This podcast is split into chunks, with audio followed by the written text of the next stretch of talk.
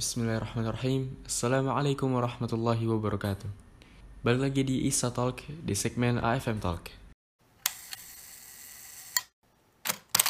السلام عليكم ورحمة الله وبركاته الحمد لله الحمد لله الذي هدانا لهذا وما كنا لنهتدي لولا أن هدانا الله أشهد أن لا إله إلا الله وحده لا شريك له واشهد ان محمدا عبده ورسوله لا نبي بعد اما بعد Alhamdulillah sekian lama sudah tidak berjumpa Insyaallah pada kesempatan kali ini kita akan membahas tentang pintu-pintu kebahagiaan Siapa sih orang bahagia itu?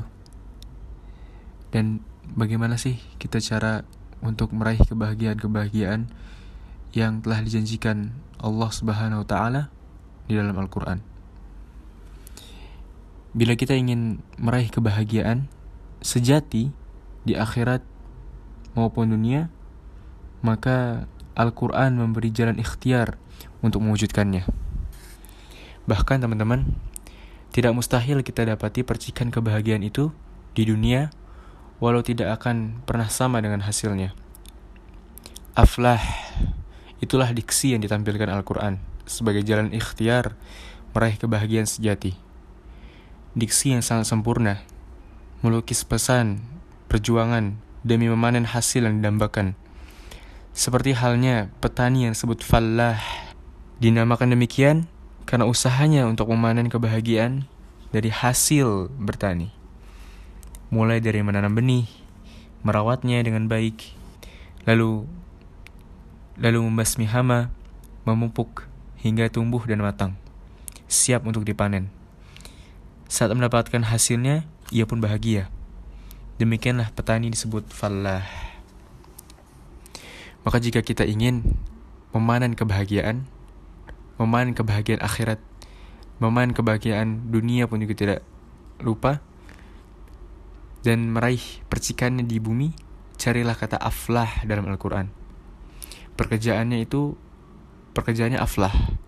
Muflih itu pelakunya, fa'ilnya. Tambahkan waw, waw dan nun menjadi muflihun. Untuk menunjukkan arti jamak, itu adalah muflihun. Tambahkan un, waw dan nun, umumnya tanpa gender.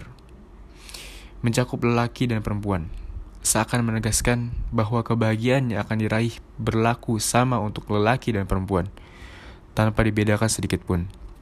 Maka, teman-teman, jika kita ingin menjadi seorang yang bahagia, menjadi seorang anak yang bahagia, atau mungkin suami atau istri yang bahagia, hidup yang bahagia, temukanlah kata aflah dalam Al-Quran. Dapatilah petunjuk untuk meraih kebahagiaan dimaksud dalam setiap aktivitas hidup. Temukan pula kata muflihun dalam Al-Quran untuk menemukan para pemilik kebahagiaan. Di sinilah kita akan temukan pintu-pintu kebahagiaan. Pintu pertama, yaitu para pemilik iman.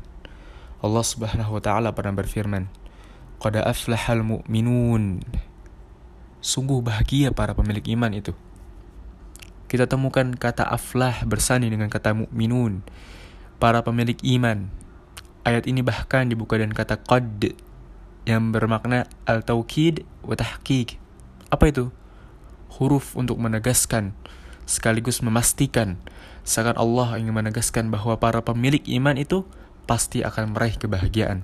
Jadi teman-teman, iman adalah syarat pertama yang mesti diraih jika ingin bahagia dalam menjalani seluruh aktivitas. Sebaliknya, bila kita tidak beriman, maka kebahagiaan hakiki tidak akan pernah tertanam. Kebahagiaan sempurna abadi bukan sekedar capaian duniawi. Perhatikanlah transformasi hidup masyarakat jahiliyah saat Rasulullah SAW diutus dan menanamkan kalimat iman, menghujamkannya ke dada dalam jiwa serta mengajarkannya esensinya. Mereka mampu beralih menjadi khairu ummah kata Allah Subhanahu wa taala dalam dalam Al-Qur'an umat terbaik yang mampu menjalani hidup dengan bahagia. Dengan bahagia. Hal ini bahkan mendapat pengukuhan langsung dalam Al-Quran sebagai berikut.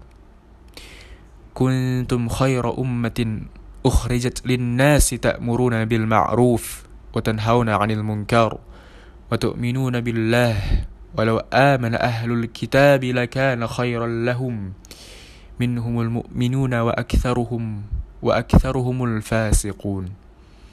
Artinya, kalian adalah umat terbaik yang pernah terlahir untuk manusia. Kalian, kalian senantiasa tergerak mengerjakan hal baik dan mencegah segala yang mungkar, serta beriman kepada Allah. Surah Al Imran ayat 110 Sikap yang dahulu kasar, gemar mencela, memukul, bahkan pelit luar biasa, kini berubah menjadi sikap terpuji yang dibernilai baik sepanjang masa. Kasar tiba-tiba menjadi lembut, sikap yang melahirkan kebahagiaan sekaligus membahagiakan lingkungan sekitar. Bahagia saat saling mencintai dan gelisah ketika melukai. Bahagia ketika merangkul, serta takut kalau tangan bergerak untuk memukul. Menarik ya teman-teman, sikap yang sebelumnya sulit berbagi, kini berubah menjadi pemberi Bukan sekedar memberi namun sanggup berbagi akan hal yang sedang dibutuhkan. Hebatnya, Hebatnya itu ditempuh dengan penuh rasa kebahagiaan. Demikian tersirat dalam surah Al-Hasyr ayat 9 sampai 10 itu. والذين تبوأوا الدار والإيمان من قبلهم يحبون من هاجر إليهم ولا يجدون في صدورهم حاجة ممن مما أوتوا ويؤثرون على أنفسهم ولو كان بهم خصاصة. ومن يوق شح نفسه فأولئك هم مفلحون والذين جاءوا من بعدهم.